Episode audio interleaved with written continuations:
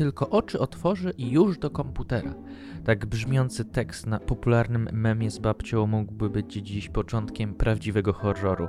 Rzeczywistość wirtualna to bowiem już nie słodkie kotki, ale sztucznie wygenerowane internetowe prostytutki, paraspołeczne relacje i narkotyczne uzależnienie od tępych bodźców. Jak ocalić duszę, kiedy ciało pragnie cyfrowej przyjemności? O tym rozmawiamy w najnowszym odcinku Kultury Poświęconej, podcastu na czasy postchrześcijańskie, czyli takie, które chociaż chcą, nie potrafią zapomnieć o Bogu. Dziękujemy wszystkim mecenasom, których nazwiska widzicie na planszy i wszystkim patronom. Dołączcie do nich już dziś. Witamy wam, Was, kochani, w najnowszym odcinku Kultury Poświęconej. E, Piotrek Kaszczyszyn, Konstanty Pilawa. Cześć, chłopaki. Witamy serdecznie. Cześć. Znaczy ja witam, Konstanty chyba też.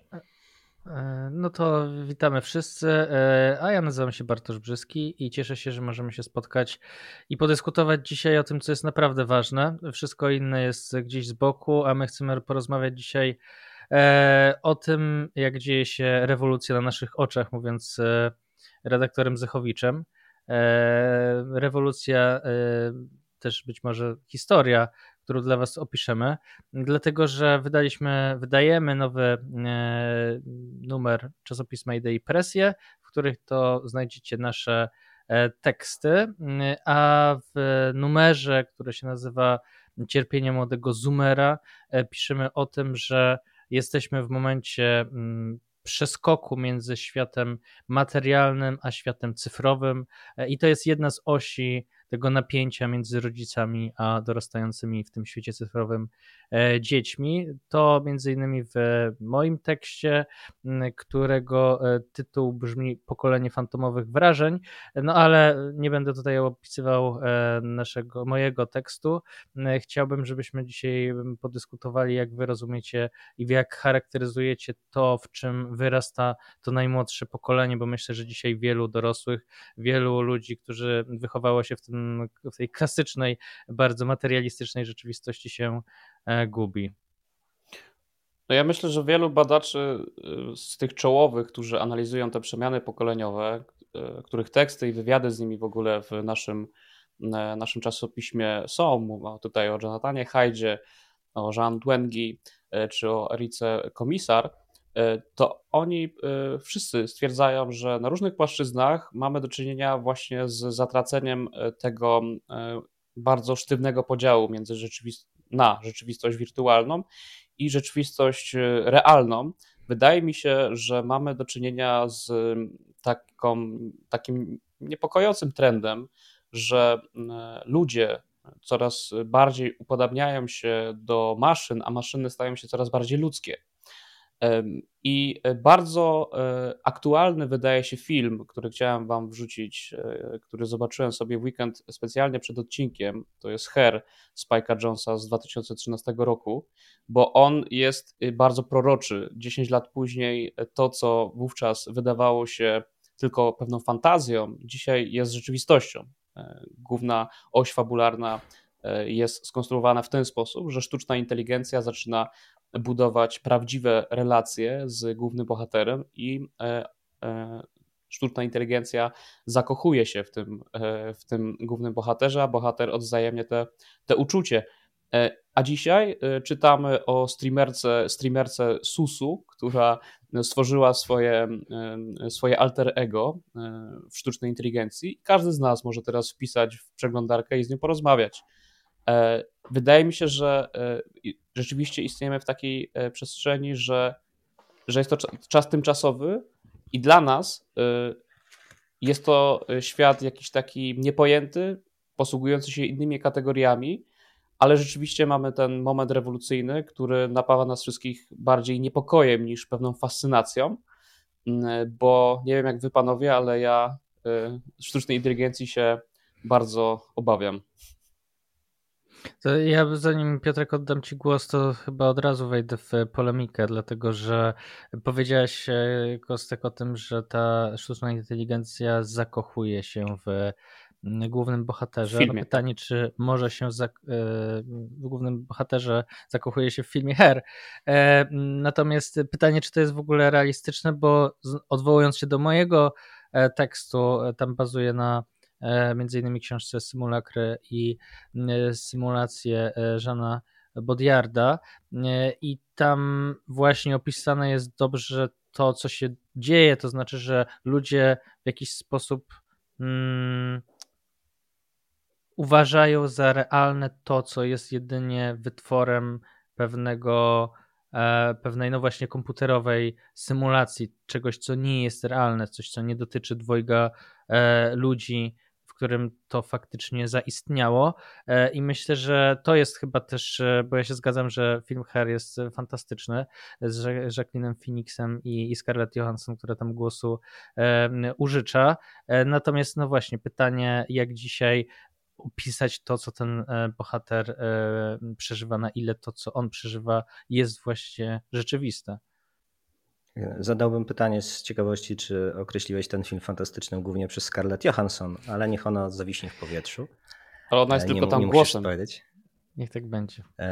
Być może dla Bartka jest to wystarczające. Natomiast. Doceniam kunszt aktorski. Oczywiście.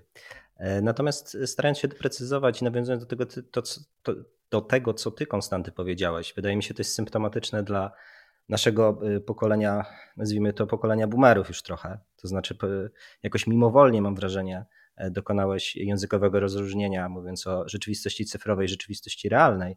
Natomiast ta epoka pomiędzy, jakieś takie interludium, e, w którym my dzisiaj się znajdujemy, e, wydaje mi się, charakteryzuje się właśnie tym, nawiązując do, do tego pokolenia Z, o, których, o którym jest numer że dla nich w ogóle takie rozróżnienie już nie ma sensu. To znaczy oni funkcjonują w jakiejś hybrydalnej rzeczywistości, w której tak samo realna jest, e, e, tak samo realną jest przestrzeń analogowa, ta materialna, czy to będzie ich pokój, szkoła, spotkania z, z przyjaciółmi gdzieś w parku. I tak samo realny będzie TikTok, tak samo realne będą postaci wykreowane cyfrowo. Pod tym kątem ciekawe byłoby w ogóle zadanie pytania właśnie takim, nie wiem, 10, 12, 15, 17 latkom współczesnym, e, jak nawiązałeś do tej e, wersji cyfrowej, czy do pewnego bota wytworzonego przez, e, przez tę bodajże Twitcherkę, czyli dziewczynę streamującą, produkującą tak zwany content na I też youtuberkę. Twitch, I też youtuberkę, tak. Zadanie pytania po prostu takim 15-17-latkom, znaczy jak oni postrzegają tej cyfrową wersję. Znaczy, czy oni jakby wyczuwają jakąś jakościową, wiecie, e, e, różnicę między nią a, a nie wiem, jakby osobą obok, tak? E, czy to jest tak, że dla nich jest już to po prostu coraz bardziej płynne? Może się to wydawać na pewnego stopnia absurdalne, ale rzeczywiście wydaje mi się, że na poziomie takim, wiecie, najbardziej filozoficznym, już na moment wchodząc, pewnie będziemy sobie skakać między tymi poziomami, jak to my, no to de facto pytanie o status tej rewolucji jest pytaniem E, z gatunku e, no właśnie pytania o jakąś naturę, o to, co właśnie jest jakby realne, e, a co nie jest realne. No my zakładam, że będziemy raczej odwoływali się mocniej do tego wymiaru analogowego czy materialnego i ten cyfrowy dla nas będzie raczej no, mocno dyskusyjny, no ale biorąc pod uwagę te nowe pokolenia, które niejako rodzą się już z, ze smartfonem w ręku, to dla nich już ten podział wydaje mi się nie będzie tak oczywisty. Ja tutaj chciałem się mm. wbić i y, przedstawić taki słynny eksperyment y, filozoficzny Roberta Nozika, co, co, co ciekawe, libertarianina. Ja wielokrotnie w kulturze poświęconej mówiłem, że e, mam mocno krytyczny stosunek do, do tej ideologii politycznej. Natomiast ten. Przepraszam, ale powiem ci, że nigdy się nie spodziewałem, że, zosta- że będziemy się powoływać na Roberta Nozika u nas. Ale ten, ten eksperyment jest akurat ciekawy i bardzo pasuje w, w odcinek. W Anarchii, Państwie i Utopii to jest, to jest książka, najsłynniejsza książka Roberta Nozika. Jest taki eksperyment, w którym mamy do czynienia z hipotetyczną oczywiście sytuacją, że wynaleziono taką maszynę, e, maszynę wrażeń, gdzie można zaprojektować w całości E, skonfigurować sobie tę maszynę i jakby dostosować całą rzeczywistość, podłączyć tego, e, tego człowieka do tego. E, no i później zadaje się pytanie, czy chcielibyśmy być podłączeni do takiej, do takiej maszyny. Tak? Jest taki, takie marzenie o tym, że całe nasze życie może być zaprojektowane, możemy cały czas być trochę naćpani albo cały czas w euforii, cały czas czuć tylko i wyłącznie miłe doświadczenia, być bezpiecznym, mieć poczucie, że się jest zaopiekowanym. No i Robert Nozik zadaje pytanie, czy chcielibyśmy do takiego aparatu się podłączyć. No i jeśli to, co ty, Bartku, zaproponowałeś, czyli że te młode pokolenie cały czas, czy coraz bardziej wnika w ten, w ten świat cyfry, E, no to wydaje się, że tutaj e, można, można się pokusić o taką opinię, że oni woleliby właśnie w takim świecie e, żyć. Natomiast ci boomerzy, ci starsi, odrzekliby, że jakakolwiek rzeczywistość na zewnątrz nie jest czasami okrutna i trudna, to prawda jest ważniejsza niż życie w słodkiej i przyjemnej iluzji. I, wydaje mi się, że, e, że te kategorie rzeczywistość i świat cyfrowy to są nasze kategorie, ok, i być może osoby od nas młodsze, dużo młodsze już w ten sposób e, świata nie postrzegają, ale mnie jest blisko do takiego myślenia, że my nie potrafimy inaczej myśleć. Ja nie jestem w stanie zrozumieć, co to znaczy, że świat cyfrowy jest światem realnym, bo to załamuje jakieś podstawy mojego myślenia o rzeczywistości w ogóle i wszystkie kategorie myślowe, którymi ja się posługuję. Świat cyfrowy zawsze będzie dla mnie światem sztucznym, światem udawanym, e, jakkolwiek wiarygodny by nie był. Tak, to y, myślę, że y, właśnie z, odjąłeś wartości temu symulakrum, o którym, o którym zacząłem mówić. To znaczy, że ono przez to, że nie jest dla ciebie rzeczywiste, myślę, że tutaj wszyscy się we trzech zgodzimy, że dla nas ta, ta kategoria rzeczywistości jest ważna i chcemy ją dowartościować.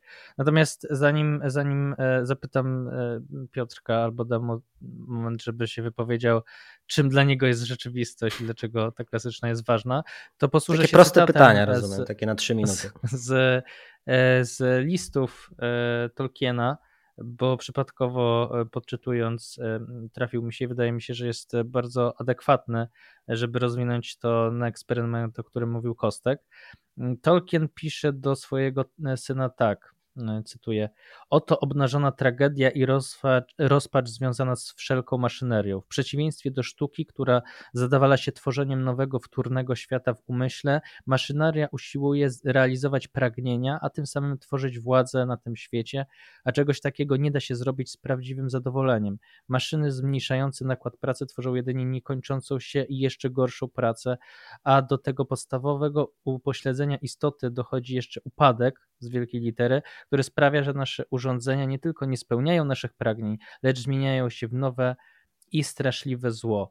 E, być może nie brzmi to E, konkretnie, ale mm, ponieważ e, Tolkien używa tego, tego określenia upadek i, i zło, to wchodzi tam jakiegoś rodzaju, myślę też metafizyka, to znaczy to, że, że, ta, że ten cyfrowy świat, on jest jakoś ontologicznie gorszy i jakby funkcjonowanie w nim jest, jest gorsze, mm, więc dorzucam jeszcze, jeszcze trochę wyższy, wyższy poziom, ale nie mogłem sobie mm, od tego odmówić, więc Piotrze, dwupoziomowa kwestia, to znaczy o rzeczywistości, e, która jest dla ciebie ważniejsza i która jest lepsza e, i jak, jak uniknąć upadku w świecie cyfrowym.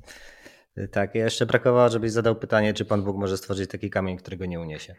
E, no Słuchaj, wiesz, że lubię pytania otwarte i szerokie. Tak, i idealnie na maturę rozszerzoną z polskiego. No dobra, no podejmijmy tę grę w takim razie.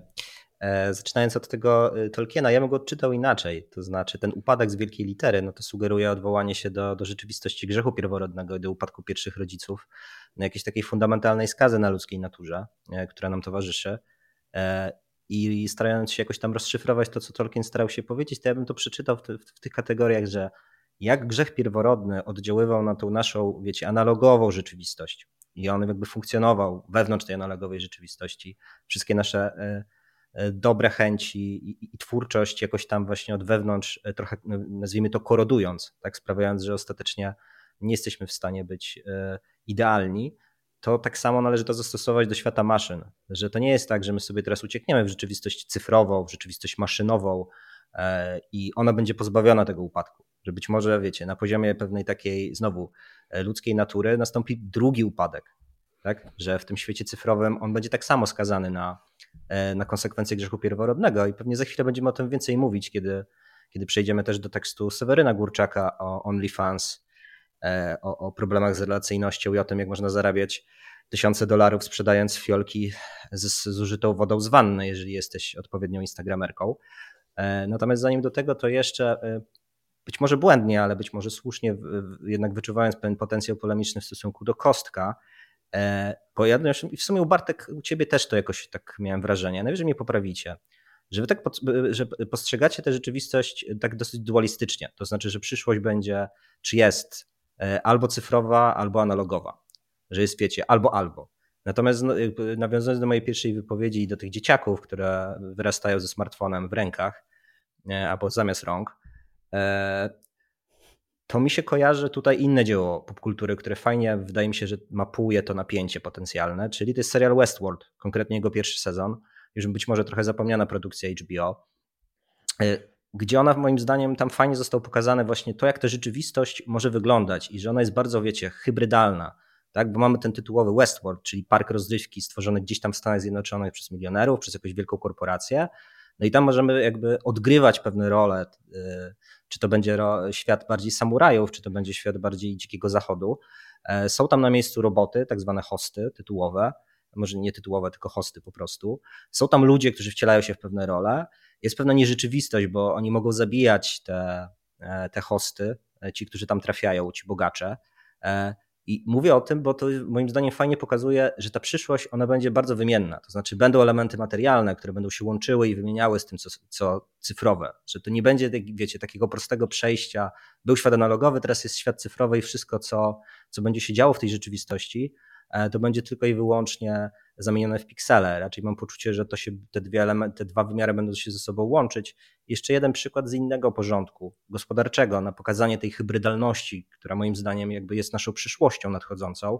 E, to dosyć nieoczywisty przykład, który przyszedł mi do głowy, przygotowując się do odcinka z, e, z sfery gospodarczej czyli rok 2008 i tamtejszy kryzys gospodarczy. Nie wiem, czy jeszcze cokolwiek z tego pamiętacie ale tam e, jednym z fundamentalnych powodów tego kryzysu e, był kryzys związany z kredytami hipotetycznymi, hipotecznymi, bez hipotetycznymi, hipotecznymi, e, i, które były zamieniane w takie różne skomplikowane, ni to materialne, ni to jakieś abstrakcyjne i cyfrowe instrumenty finansowe, którymi handlowano na giełdzie.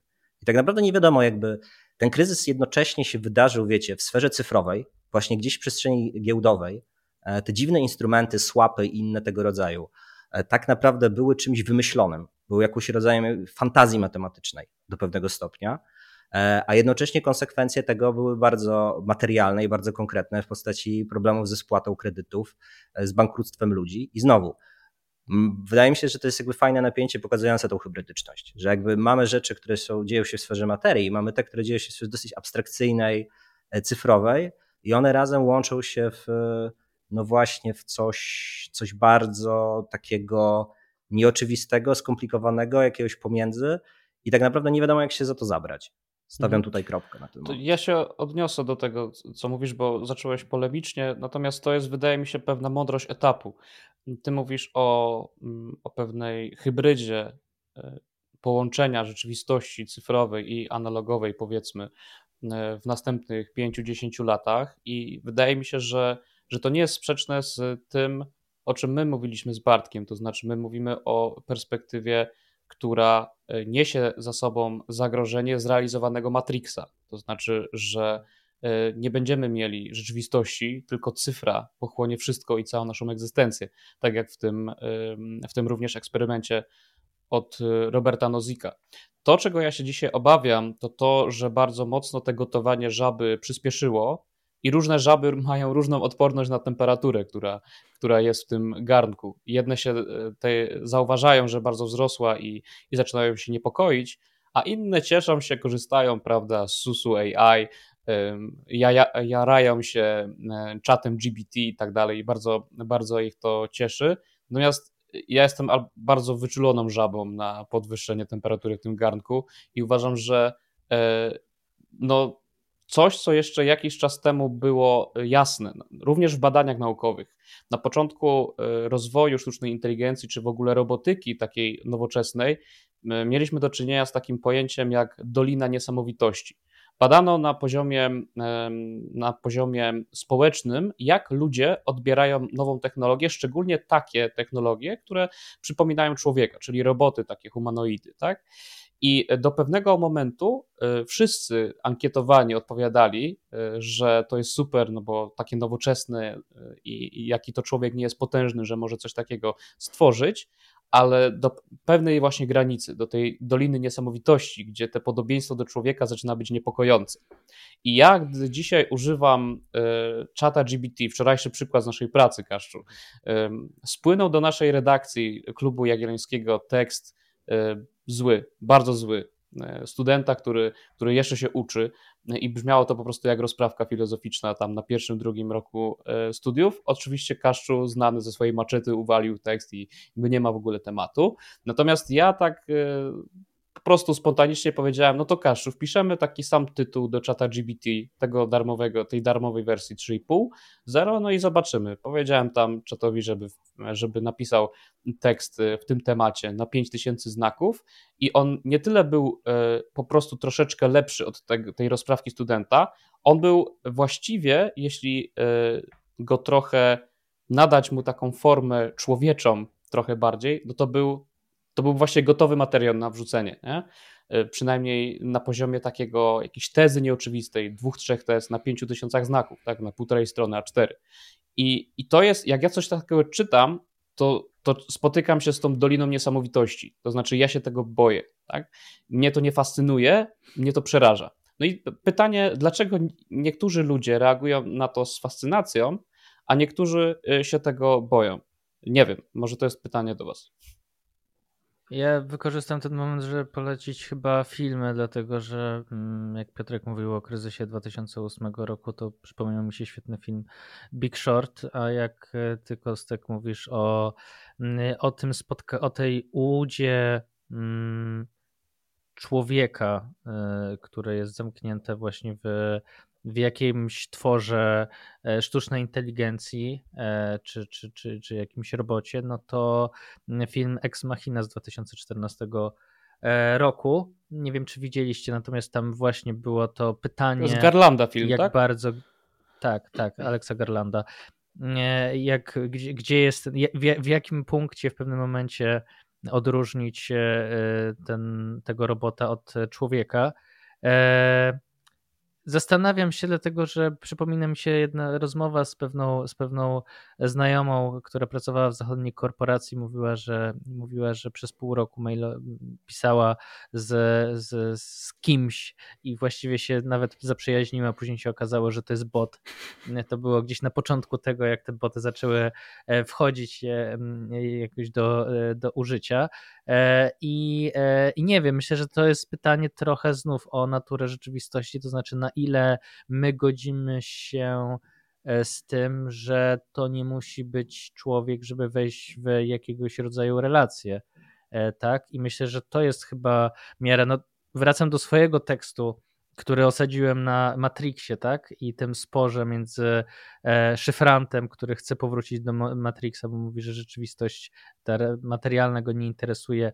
To symulakrum mu wystarczy, bo go cieszy to, co tam jest, co przeżywają jego neurony, tak wystarczy, że będzie w świecie Matrixa, w symulacji Matrixowej będzie bogaty e, i będzie mógł się cieszyć tam e, przywilejowaniami i napięcie między e, tymi, którzy siedzą na statku razem z Neo, z Neo i mówią o tym, że nie, że trzeba jakby uwolnić ludzi od tego, od tej fantazji, od tego, co jest nierzeczywiste. I myślę, że ocena tego, na ile my uważamy, że rzeczywistość to jest to, co się dzieje tylko w neuron, na poziomie neuronów, e, będzie kierować do tego, że że cię ten świat będzie fascynował, że będziesz chciał się nim cieszyć, będziesz chciał, żeby twoje neurony jeszcze bardziej dostarczały sobie dop dopominy, przyjemności, przeżywały coś, e, coś nowego, tak jak przejdziemy zaraz pewnie do tego, do tego tekstu i tego, że dzisiaj ta, mm, ta nierzeczywistość, jeśli chodzi o relacje, to, że e, influencerki budują własne boty,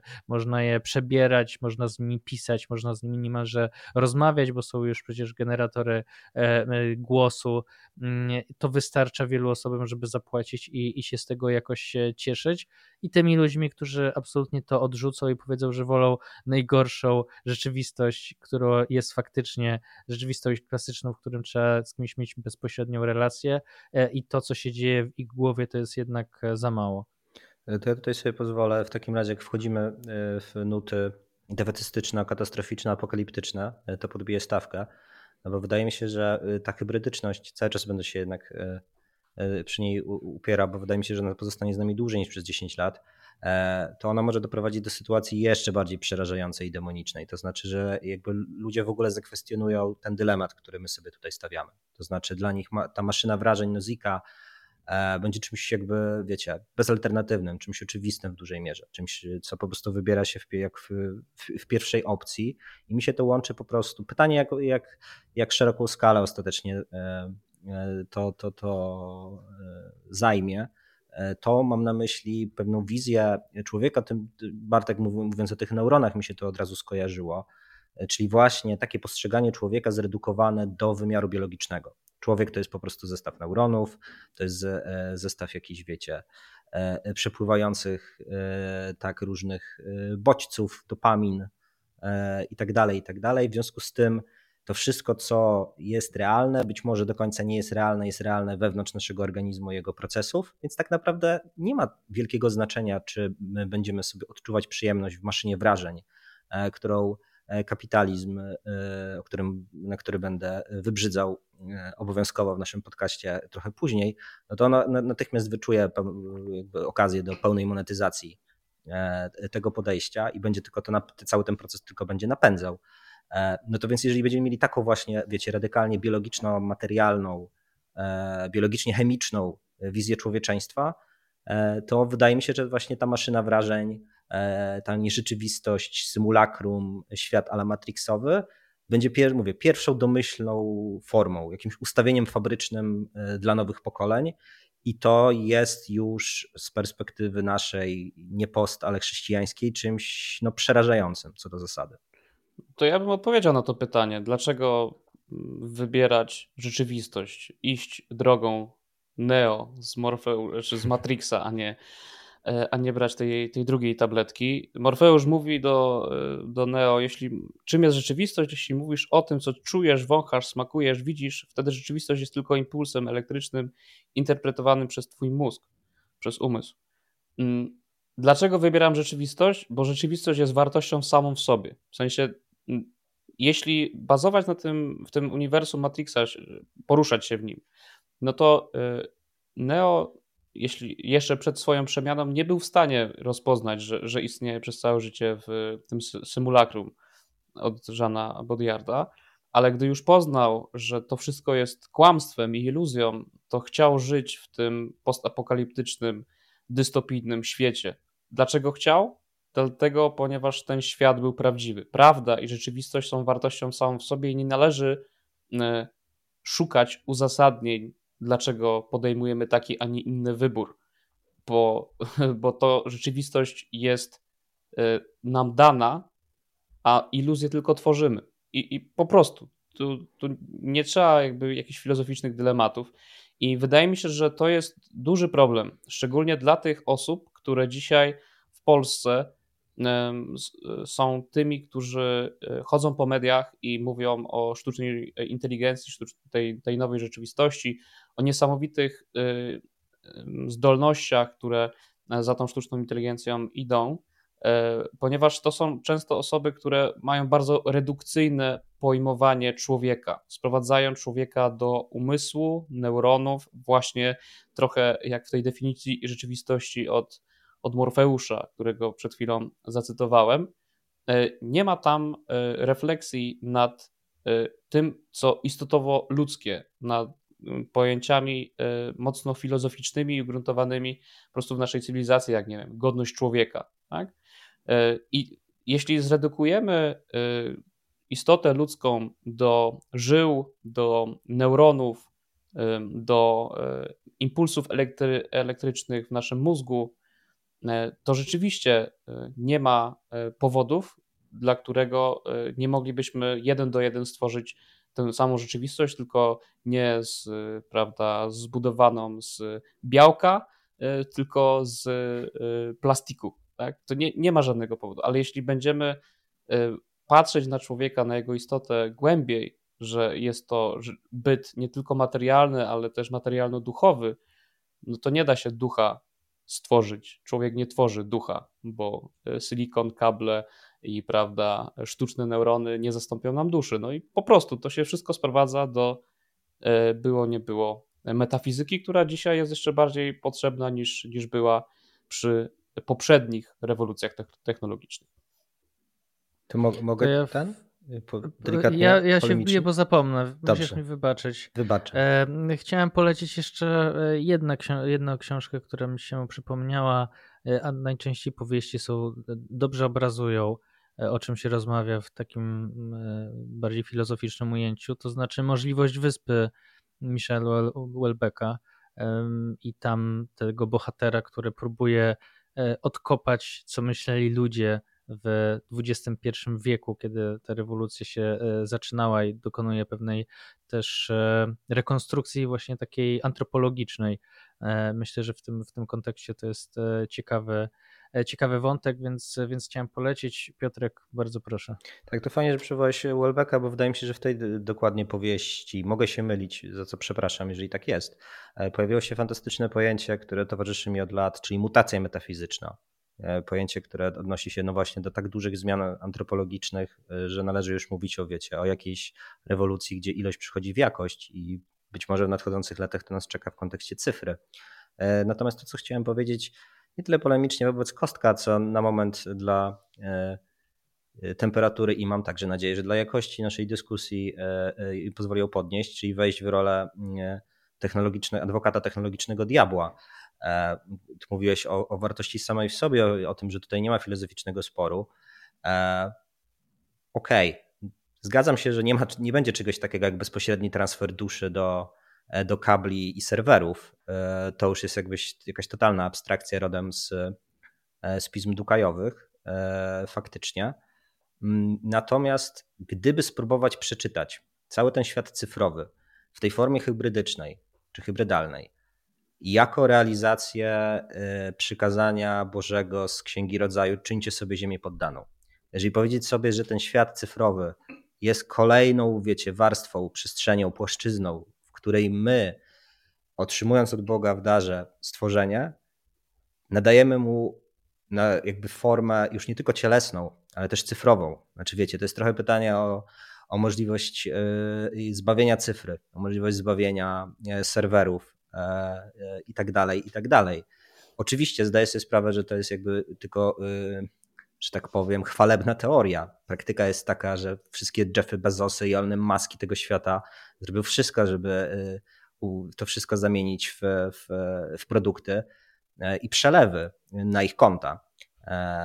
To jest, to jest jasne. Natomiast jeżeli poruszamy się na moment w, w, w przestrzeni teoretyczno-filozoficznej, to bym spróbował przykontrować e, z tej strony. Jestem ciekaw, jak byście na to odpowiedzieli.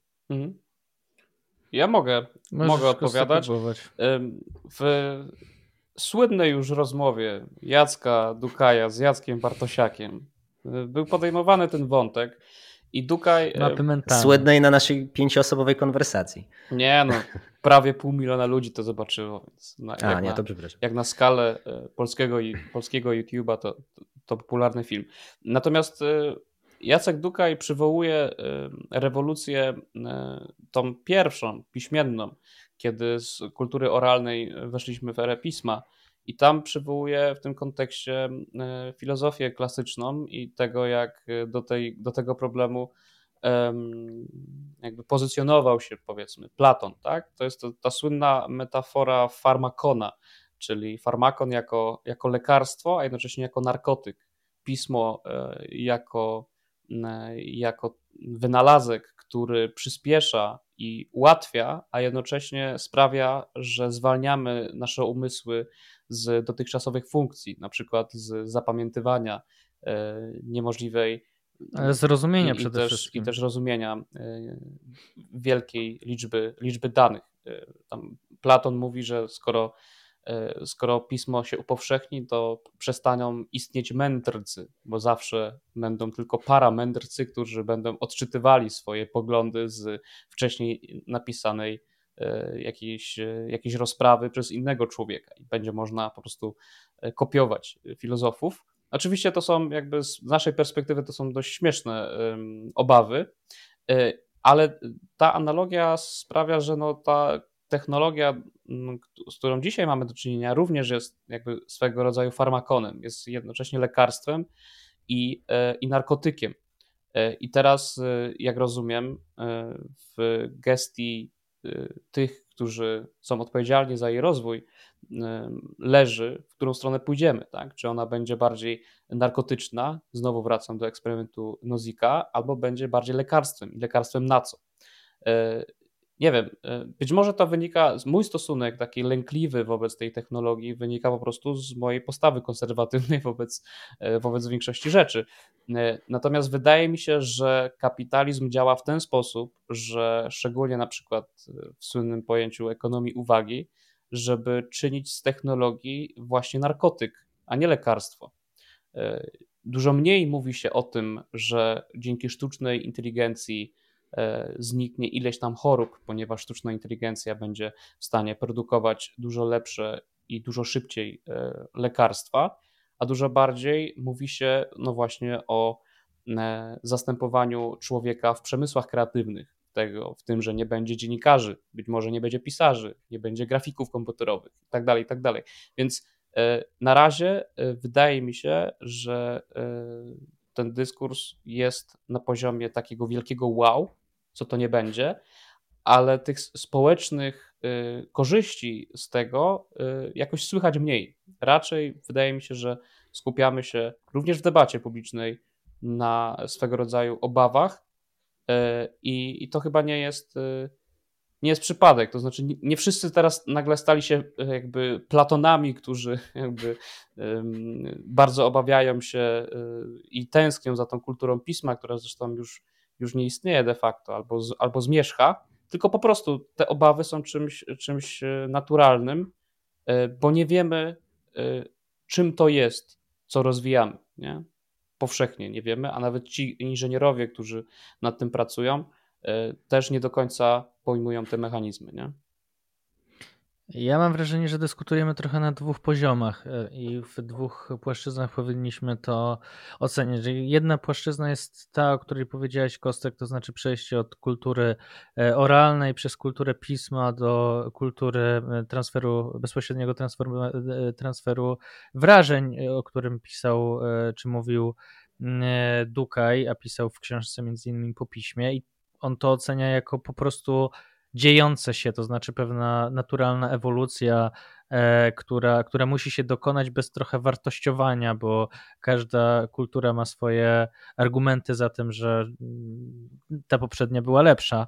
Natomiast drugi aspekt, i możemy o tym podyskutować. Natomiast drugi aspekt to jest ten bardziej katolicki, to znaczy e, jak się ma do tego, no właśnie ta chrześcijańska antropologia, w czym jesteśmy bliżej e, zbawienia i to dlatego też przywołałem ten cytat z Dukaja, bo miałem wrażenie, że on tam, jedna, nie z Dukaja, tylko z Tolkiena, że miałem wrażenie, że on tam jednak sugeruje, że postęp techniczny, tudzież technologiczny, raczej od tego zbawienia nas e, mm, oddala niż przybliża, że bliżej byliśmy na początku stworzenia e, niż, e, niż w tej chwili. Może to jest moja nadinterpretacja, natomiast mam wrażenie, że, że, że, jak, że kiedy rozmawiamy o tej rzeczywistości, to wrzucę jeszcze ten, ten wątek, i o tym, że, e, że powiedziałeś, e, Konstanty, że ta rzeczywistość jest wartością sama w sobie, to mam wrażenie, że chrześcijaństwo próbuje to nam powiedzieć od 2000 lat. To znaczy, że rzeczywistość to jest to, co zostało e, objawione, i że my tak naprawdę unikamy tej rzeczywistości, dlatego że staramy się żyć przyjemniej, lepiej i zamykamy na nią oczy, że tak naprawdę to jest wielostopniowa ucieczka od rzeczy, że ona ma, może mieć wiele, e, e, wiele stopni, ale cały czas e, my jesteśmy w tym samym napięciu, że my w tej chwili jesteśmy w tym napięciu, jako ci, którzy teoretycznie żyją w tej rzeczywistości materialnej, ale niejako nie do końca w tym, w tym ewangelicznym świecie w pełni taki, bo w tym świecie pewnie żyli tylko święci, a druga rzecz to jest ucieczka w ogóle od tej rzeczywistości e, materialnej. Tak sobie myślę, że, że, to, że, to, że to jest trochę jak w Incepcji Nolana, że możesz coraz bardziej się zagłębiać i uciekać w kolejne światy po to, żeby być dalej od prawdy. Odpłynąłem trochę, ale, e, ale chyba od tego też jest nasz podcast, żeby sobie o tym, o tych różnych aspektach pogadać. Czyli lubisz pływać po prostu. Bardzo. E, no dobrze, no jak pływamy, to ja wcześniej mówiłem, pływa, pływałem w, w, basenie teorii, to teraz e, przesunimy się do basenu praktyki, e, a basen praktyki jest taki, że jest, jest źle. Jest źle, jest fatalnie. Kapitalizm niszczy, słuchajcie. Przechodząc też przy okazji mocniej do tego wątku z tekstu Seweryna, o którym wspomniałem wcześniej, zresztą już trochę wspominaliśmy o nim też, mówiąc o, o, o tych celebrytkach, które zamieniają swój głos, swoje zdjęcia, swoje wypowiedzi, e, wrzucają je właśnie do AI. Sztuczna inteligencja trenuje e, na tychże wypowiedziach, e, na tychże zdjęciach i później generuje boty, za które można płacić. W wersji jednej albo w wersji drugiej są już całe serwisy, gdzie można po prostu niczym w grze RPG stworzyć sobie swoją własną, najczęściej dziewczynę, czy to właśnie taką realną, czy postać z anime. Możemy wybrać sobie tam de facto wszystko od wyglądu przez cechy osobowości, charakter, e, po funkcję, może być dziewczyną, może być postaciami rodem z, z kategorii z filmów pornograficznych. E, generalnie jakby pełna personalizacja potrzeb, wyobrażeń i fantazji. I patrząc z tej perspektywy i odpowiadając trochę na pytanie, czy nas przybliża, czy oddala do, od, od zbawienia, no to mam poczucie, że oddala jak najbardziej. To znaczy ta rzeczywistość właśnie rodem z OnlyFans, z serwisów, gdzie możemy stworzyć sobie właśnie jakąś hybrydalną e, partnerkę, przyjaciółkę. Nawet nie potrafię do końca precyzyjnie określić, kim jest ta para osoba, e, z którą my wchodzimy za pieniądze. No trzeba oczywiście wykupić konto premium. E, wchodzimy w coś na kształt. To symulacja osoby, tak naprawdę. Tak. Z perspektywy katolickiej, czy to jest osoba? No, nie sądzę. W swoim tekście Severin tutaj y, odwołał się do fajnego pojęcia wprowadzonego jeszcze w latach 50. w Stanach Zjednoczonych w jednym z artykułów naukowych. E, podlinkujemy y, ten, tenże artykuł e, o tak zwanych interakcjach paraspołecznych, tak, czyli takich powiedzmy relacyjności na, mocno na ćwierć gwizdka zapośredniczonej przez, przez jakieś media. Wtedy to było radio, dzisiaj to jest no właśnie internet, e, gdzie, gdzie wchodzimy w jakiś rodzaj właśnie pararelacji z kimś w rodzaju celebryty, gwiazdy. Teraz to są właśnie bohaterki Instagrama czy, serwisa Twitch, e, o którym wspominaliśmy wcześniej, służącego do streamowania gier. E, no generalnie cała ta rzeczywistość, która w ten sposób jest przez, przez kapitalizm kreowana, moim zdaniem już doprowadziła do sytuacji, w której e, tak naprawdę my już nie jesteśmy na etapie, Kostek mówi się, ekonomii uwagi. Nie jesteśmy już na etapie, gdzie nie wiem, kapitalizm sprzedaje nam jakąś tożsamość i styl życia, także nie wiem, musimy mieć Apple'a, no bo te nadgryzione jabłko jest symbolem jakiegoś statusu to już nawet nie jest etap y, jakiegoś kapitu, tak zwanego, mądrze mówiąc, kapitalizmu kognitywnego, e, gdzie my tam się poruszamy w przeglądarce na Facebooku, na innych serwisach społecznościowych, jesteśmy profilowani, algorytmy podrzucają nam reklamy i tak naprawdę y, kapitalistyczne molochy zarabiają na, e, na naszym czasie, naszej uwadze. To już jest jakiś naprawdę hardkorowy level, w którym kapitalizm już zaczyna spieniężać, monetyzować e, ludzką naturę. No bo czym są te właśnie para osoby chatbotowe? One mają imitować relacyjność. No jeżeli istotą y, ludzkiej natury, jednym z fundamentów jest postrzeganie człowieka jako istoty relacyjnej, istoty społecznej, mówiąc Arystotelesem, a tam mamy do czynienia z pararelacjami, paraosobami e, i, i właśnie jakimś taką paraemocjonalnością, e, to już naprawdę jesteśmy w jakiejś demonicznej rzeczywistości, gdzie kapitalizm po prostu przeszedł drogę od sprzedawania, wiecie, guzików, e, kamieni i wazonów E, przez te wspomniane instrumenty finansowe, e, przez ten właśnie kapitalizm uwagi, po rzeczywistość, która on się już tak mocno wessał wewnątrz nas, jako ludzi, w nasze serca, umysły, e, w duszę, że zaczyna już spieniężać i monetyzować samą ludzką naturę. Jakby nie wiem, co jest dalej. W sensie jakby pukamy już, pukamy już w, w dno. Generalnie. Ja, ja, bym to, ja bym to napisa- nazwał chyba takim totalnym streamingiem wrażeń, dlatego że jak przeszliśmy od tego, że trzeba było pojechać na, jak jeździłem na giełdę na Balickiej w Krakowie, bo handlowało się tam grami komputerowymi, kasetami VHS i, e, i trzeba było kupić tą płytę albo film i pojechać do domu obejrzeć, a później e, przyjechać i e, oddać, a teraz wiadomo, wszyscy się przyzwyczailiśmy do takiego streamingu, siadam wieczorem, kupuję sobie dostęp i mam, no to to jest taki bardzo wygodny kapitalizm, który nic nie musi produkować, bo właściwie wszystko jest cyfrowa, scyfryzowane, tak? Jakby ty kupujesz de facto wrażenie, kupujesz jakiegoś rodzaju po prostu przyjemność, czy symulację przyjemności, kupujesz symulację przyjaźni, e, symulację miłości. To jest e, właściwie takie i może być codziennie inna, z niekończąco się jakby Disneyland, Disneyland taki e, neuronowy, tak? E, i, e, I wydaje mi się, że chyba to jest jak powiedziałeś, to jest po prostu taka antropologiczna diagnoza, w którym po prostu ludzie kupują to, czego im najbardziej brakuje, albo co najbardziej im sprawia przyjemność bez kosztu, bo o tym też jeszcze nie mówimy, tak? Jakby, że nie ma tam kosztem, kosztu tego, że ta relacja ci się rozpadnie, nie uda się, po prostu kończysz subskrypcję i tak samo, tak samo z filmem, nie musisz wychodzić z domu, żeby iść coś kupić, e, to masz na kliknięcie e, komputera, czyli maksymalne, maksymalna przy, przyjemność bez e, E, bez kosztów, a wydaje mi się, że między innymi w tekście Kostka o tym, że, że młodzi unikają właśnie e, wszelkiego rodzaju e, nieprzyjemnych doświadczeń jest bardzo dużo, więc to jest jednocześnie przyjemność właśnie bez mm, doświadczenia rzeczy nieprzyjemnych i bez, bez wysiłku. No właśnie zdefiniowałeś, Bartek, dlaczego są to relacje para społeczne, a nie społeczne bo w relacjach jest y, to, że jest, y, no zawsze jest niewiadoma. Ty nie wiesz, czy jak za parę godzin żona przyjdzie do domu, czy, czy będzie miła i prawda, zrobi ci kolację, czy, czy jednak nie odezwie się do ciebie ani słowem, bo, bo coś tam y, w relacji jest nie ten tego, nie? Bo to ty miałeś przygotować kolację. Bo ty miałeś przygotować kolację, a gdybyś miał, prawda... A nagrywałeś odcinek kultury poświęconej. No właśnie. E, jakbyś miał, wiesz, ale AI, to, to zawsze byłoby tak samo, nie? Zawsze byłaby metaforyczna kolacja, zawsze byłby uśmiech i tak dalej, i tak dalej. Ale właśnie dlatego to jest para społeczny, bo w czymś takim nie da się zakochać, bo ty nie jesteś, y, bo ty zawsze jakby uprzedmiotawiasz tą relację, bo ty, czy para relację właśnie, bo nic się w niej nie zaskoczy. I genialność filmu Her polegał, y, polegał, polegała na tym, że ta sztuczna inteligencja, e, która, e, której głos dała Scarlett Johansson, e, była na tyle ludzka, że w świecie cyfrowym zaczęła nawiązywać relacje z innymi botami, z innymi również żywymi mężczyznami.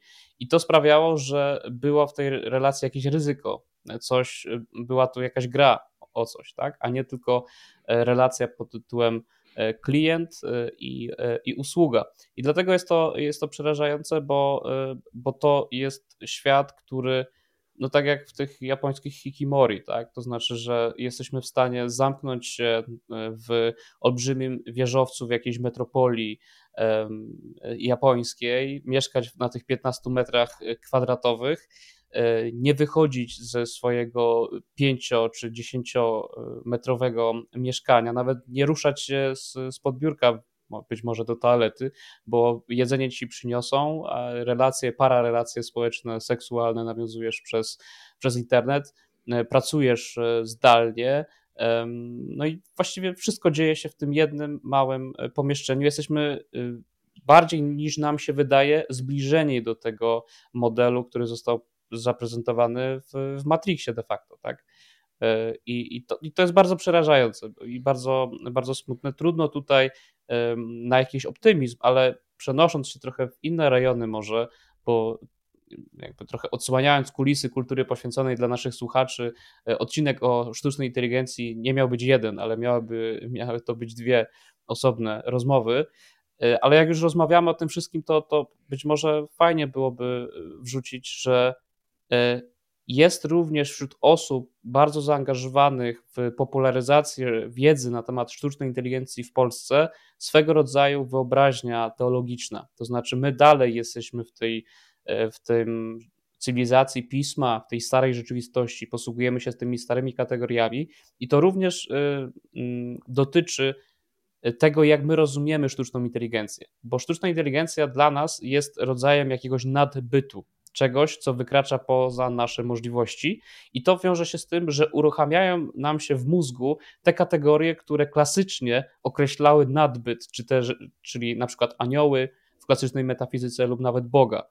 Andrzej Dragan, który chodzi po wszystkich tych y, naszych mediach y, YouTube'owych czy, czy, czy klasycznych, tradycyjnych w Polsce, y, w jednym z, z, rozmów y, wrzucił taki, taki wątek, że on to by marzył o takim indywidualnym, bardzo intymnym asystencie, który nie byłby podłączony do internetu, byłby taką sztuczną inteligencją, która mu tam podpowiada, kiedy pić wodę, kiedy, e, kiedy wstać z łóżka, kiedy zjeść e, e, posiłek, gdzie skręcić, jak się odezwać w towarzystwie. On by tak, czegoś Taki takiego bardzo chciał, bo to, to by totalnie zoptymalizowało jego egzystencję.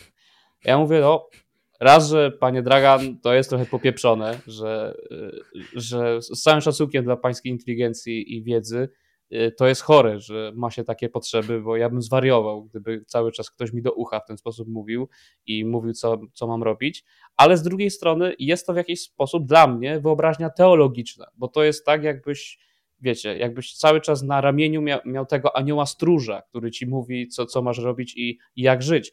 I od tego nie uciekniemy.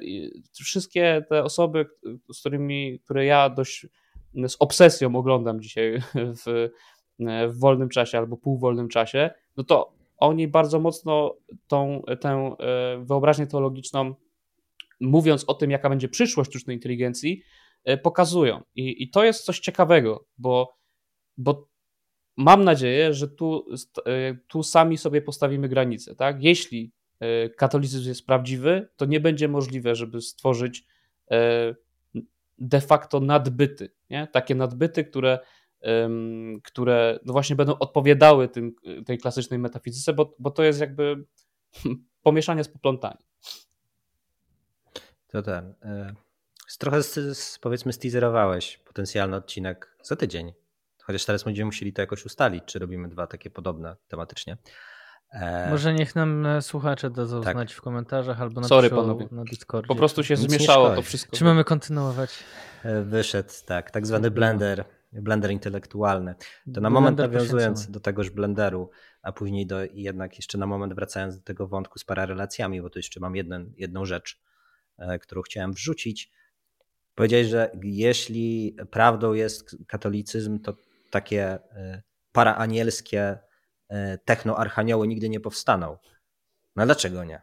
A jeśli to jest wpisane w, e, w Boży plan i porządek, trochę już bardziej wiecie, rodem z apokalipsy świętego Jana, może coś tam zaszyfrowanego. Tak naprawdę to jest właśnie te, nie wiem, moce zwierzchności, władze.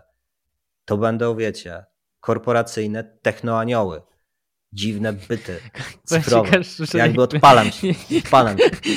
E... E, ja wiem, że ty lubisz apokalipsę świętego Jana. Tu się zatrzyma.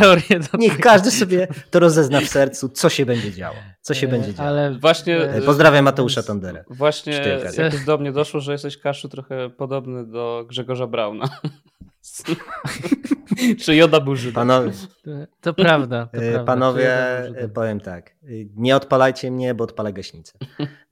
Dobrze, tutaj postawię kropkę. Najwyżej więcej tych e, opowieści dziwnej treści z podmchu i poproci będzie za tydzień, jeśli słuchacze tak stwierdzą. Tak. E, Przegadamy Natomiast... to na naszym pięcioosobowej konwersacji. tak.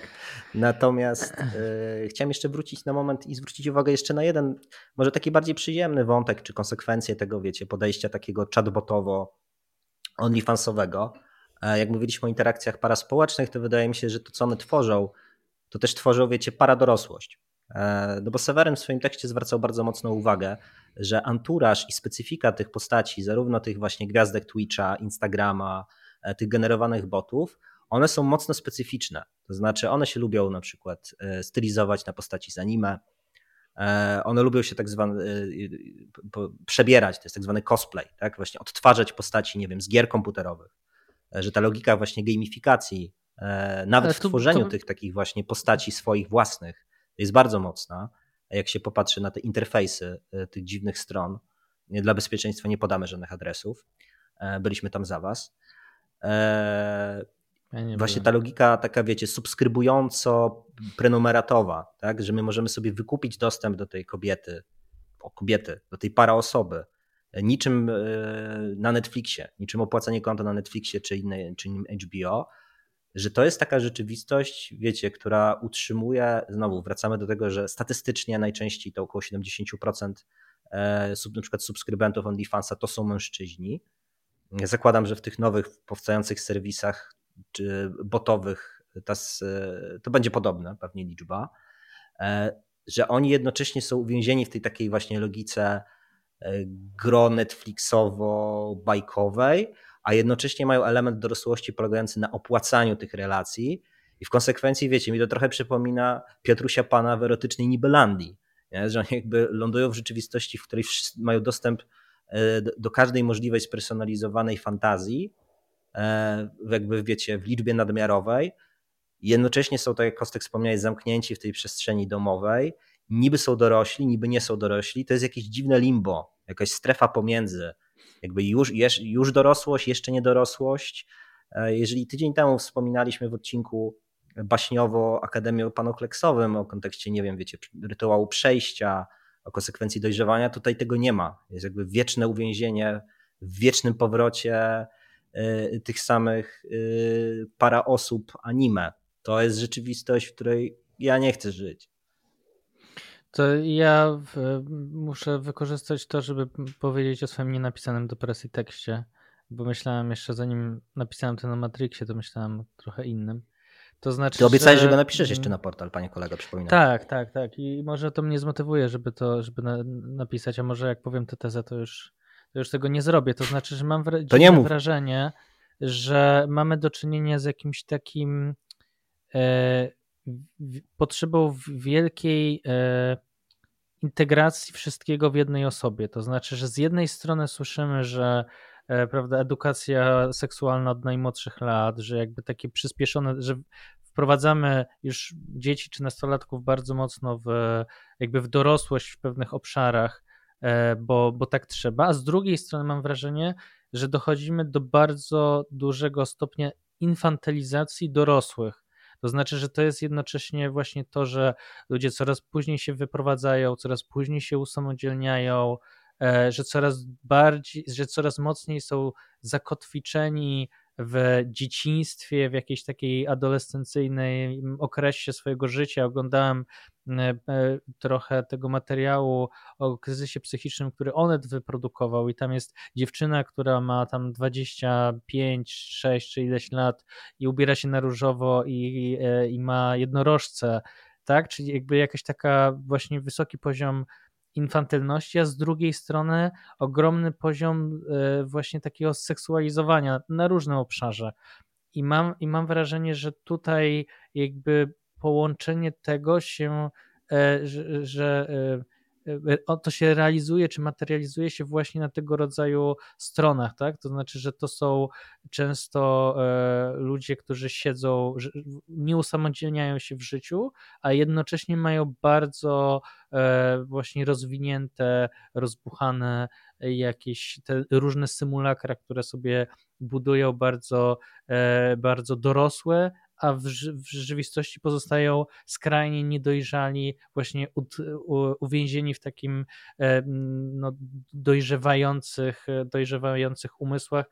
Pewnie między innymi dlatego postawmy taką tezę, że właśnie ten brak realnych e, relacji społecznych i brak kolejnych e, samodzielnych E, etapów, w które się wchodzi, różnego rodzaju e, inicjacji, właśnie niekoniecznie seksualnych, tak, tylko w, w innym, tak, znalezienie pierwszej pracy, na której dzisiaj czytam, że na przykład przychodzą, pokolenie Z przychodzi z rodzicami. E, wykładowcy nam mówili, że na, do wykładowców przychodzą rodzice pytając o ocenę dzieci albo pytając, czy, czy studentka, czy student nie może mieć wyższej oceny, że tego rodzaju objawy są, są E, no właśnie potwierdzeniem tego, tego pomieszania tych dwóch i utkwienia w jakimś takim jednocześnie bardzo dojrzałym i bardzo niedojrzałym człowieku. Ja myślę, że tutaj to nie jest niedojrzały albo dojrzały człowiek. Wydaje mi się, że technologia po prostu nas infantylizuje jako takich, po prostu nasze zdolności poznawcze stają się większe, stają inne potrzeby biologiczne zaczynają się pojawiać, bo zaczynamy dorastać. Natomiast y, skala i cały ten y, silnik y, kapitalizmu po prostu ludzi infantylizuje. I to nie jest tak, że ci ludzie są jakiś, jacyś, prawda, po prostu urodzili się tacy dziecinni. To nie jest tak oskarżenie Tylko do, to, to jest... wo wobec mhm. nich. To nie jest oskarżenie, to jest bardziej opis tego, e, że e, no tak jak wspomnieliśmy o tym, że e, ludzie coraz mniej chcą tracić coś i ponosić koszty. Więc to jest właśnie takie bezkosztowe, że jednocześnie ja nie tracę dzieciństwa, nie tracę opieki rodziców, ich wsparcia, a jednocześnie mogę już przeżywać rzeczy, które, które są tymi powiedzmy najbardziej atrakcyjnymi z życia e, dorosłych. Więc w tym sensie to jest jakaś no można powiedzieć, wina, że, że się człowiek nie chce tego pozbyć, natomiast z drugiej strony oczywiście no, jakby każdy, każdemu przyszło w życiu takiej rzeczywistości, a nie innej i ona go bardzo mocno warunkuje, więc, e, więc no to, to nie ma co do tego, nie mieli co do tego e, wyboru, w jakich, w jakiej rzeczywistości mogli, chcieli się urodzić. To ja mogę tak na koniec, bo właśnie mignęła nam godzina, więc chyba to jest moment, żebyśmy wodowali. E, przyszło mi do głowy autoreklama, kultury poświęconej. No dzisiaj odcinek odbywał się pod hasłem pomiędzy, jakaś epoka pomiędzy. I zdałem sobie sprawę w trakcie tego odcinka, że w sumie to, to jest coś, czym my się zajmujemy. To znaczy, my się nie zajmujemy tego postchrześcijaństwem, jak to jest w naszym haśle, tylko zdałem sobie sprawę, słuchajcie, że my w sumie trochę funkcjonujemy od trzech lat jak jacyś tacy obserwatorzy, kronikarze, którzy szkicują różne epoki pomiędzy. Jak było dużo odcinków o męskości, to tam też ta męskość była, wiecie, jakaś taka rozpostarta między e, tym, co już znika, ale nie wiadomo, co jeszcze się pojawi. Jeżeli mówimy o kościele, jest bardzo podobnie. Jeżeli mówimy o postchrześcijaństwie w kontekście nowych duchowości, to też jest to jest jakaś takie interludium.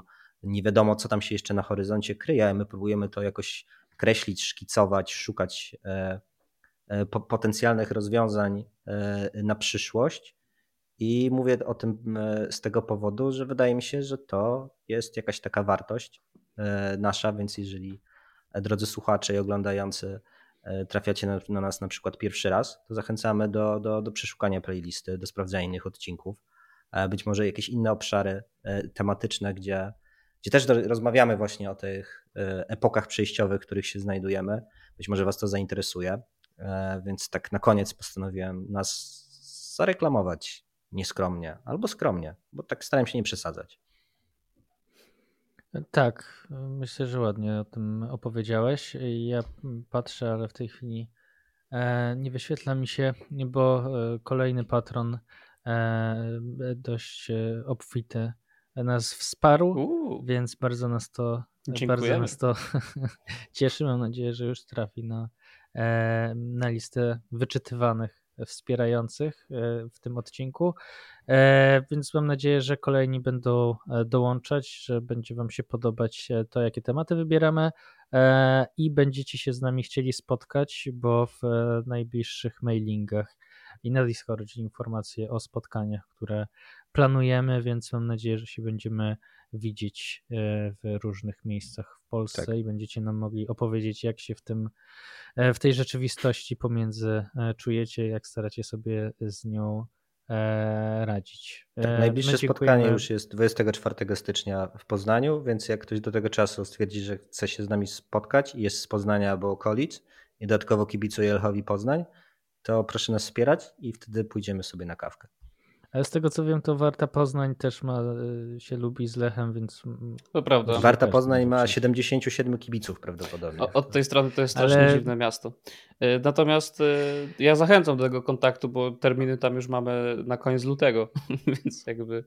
E, tak, na spotkania większe to piszcie na kultura.poświęcona mapa.jagielloński.pl e, a ja wam e, odpiszę jak, gdzie i czym możemy się do was udać.